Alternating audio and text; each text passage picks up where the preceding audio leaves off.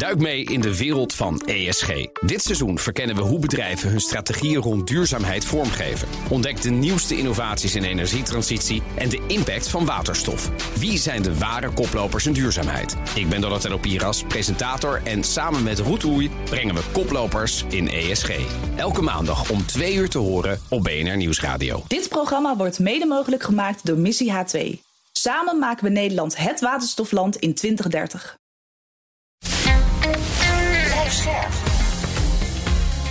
BNR Nieuwsradio. Boekenstein en de Wijk. Hugo Reitsma. Welkom bij Boekenstein en de Wijk. Het is vrijdag, dag 422 van de oorlog in Oekraïne.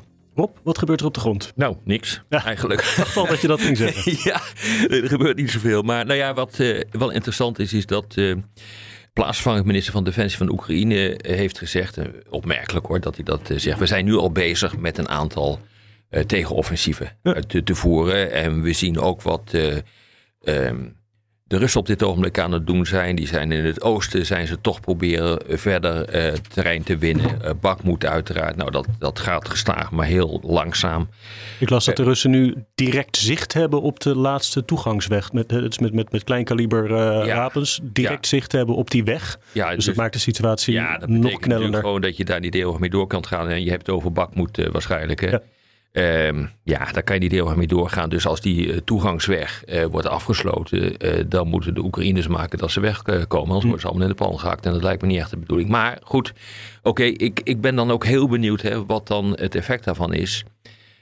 Want dit is ook psychologisch, hoe je het ook wendt of keert, toch wel een klap voor Mhm. Oekraïne. Mhm. Ook al weten ze dat ze dat gaan verliezen.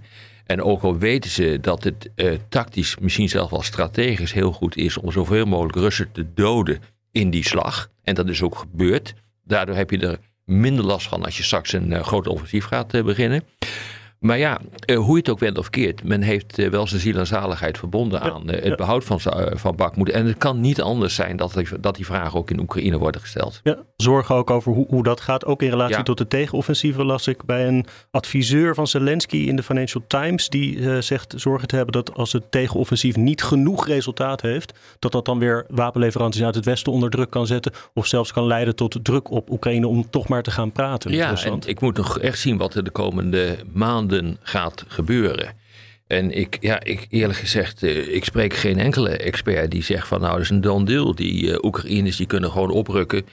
Nou, bijvoorbeeld Melitopol, dat zou fantastisch zijn. Want Melitopol is ook eh, zeg maar het, een, een, een bron midden in het bezet gebied van Oekraïns verzet. Ja. Eh, dus het is denk ik relatief simpel om eh, die stad nog binnen te trekken. Want daar zit zoveel verzet dat dat wel mogelijk moet zijn. En dan zou je verder naar beneden kunnen gaan. En dan kun je die beroemde landrug tussen Oekraïne en Rusland doorsnijden. In theorie zou het moeten kunnen. Maar jongens, ik, ik durf er geen eet op te doen. Je moet een beetje hopen dus dat eh, door die gelekte documenten en de, en de waarheid over de tekort aan munitie en wapens, wat natuurlijk al lang wisten, maar goed, dat de druk hoger wordt en dat er vandaag in Ramstein besloten wordt om nog meer te geven. Ja. Maar er is niet meer zoveel. Dat is de ellende. Er komen wel weer tanks aan, medegeleverd door Nederland. Hè? Wel opmerkelijk, Nederland, een land zonder tanks, levert inmiddels een hele hoop tanks. Dit keer samen met Denemarken. Ja, dan ga je al naar de 160 tanks ongeveer toe.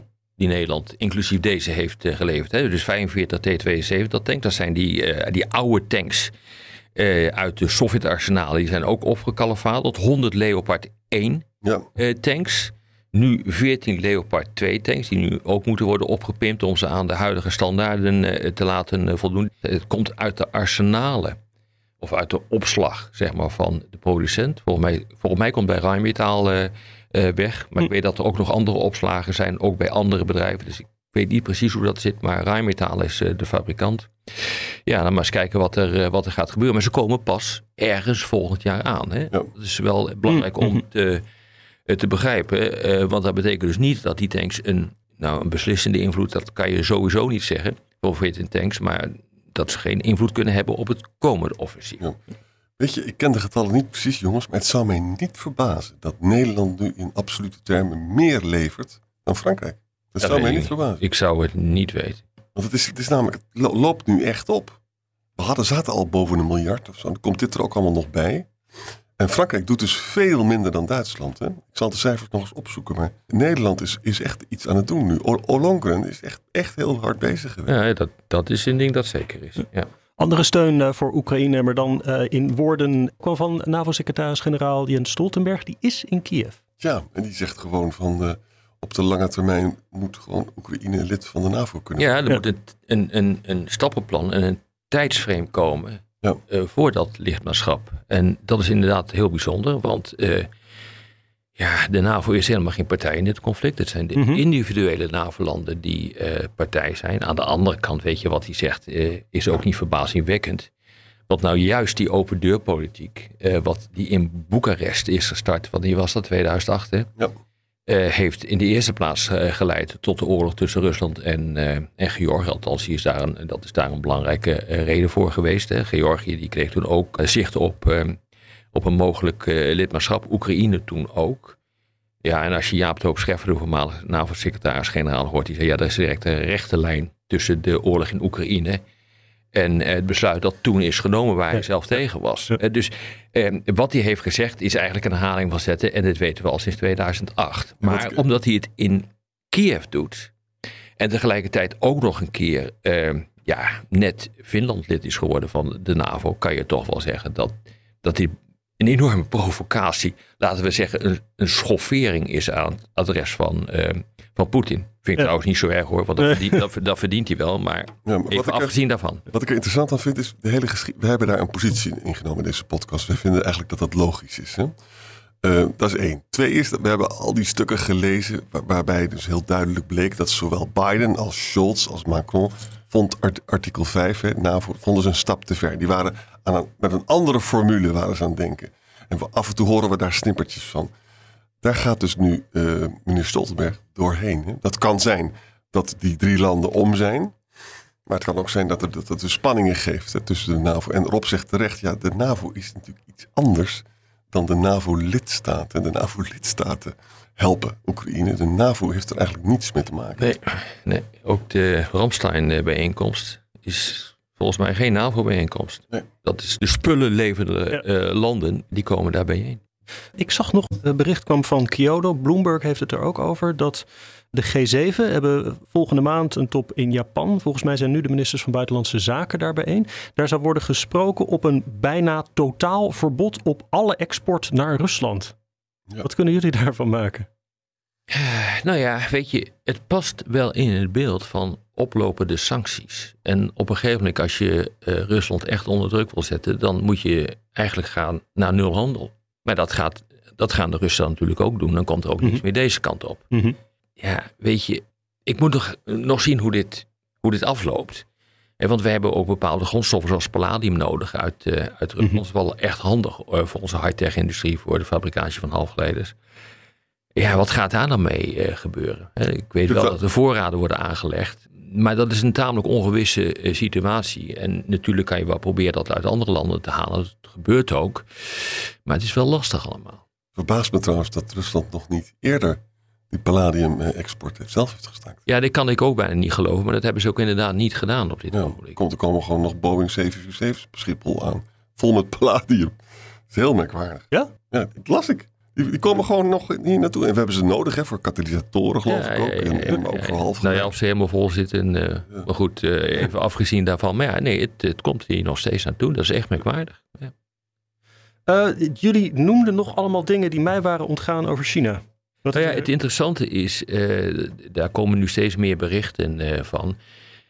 kijk, die hele discussie er is geweest rond Taiwan en de clash tussen Xi en, en Biden daar begint nu wat verandering in te komen. In de eerste plaats zie je dat Macron en Biden de strijdbijl aan het begraven zijn. Dus Biden heeft gezegd, nou ja, oké, okay, prima. Uh, dat mag je allemaal zeggen. waar het dus om ging is, wij willen niet meegezogen worden in een oorlog met, met Amerika over Taiwan.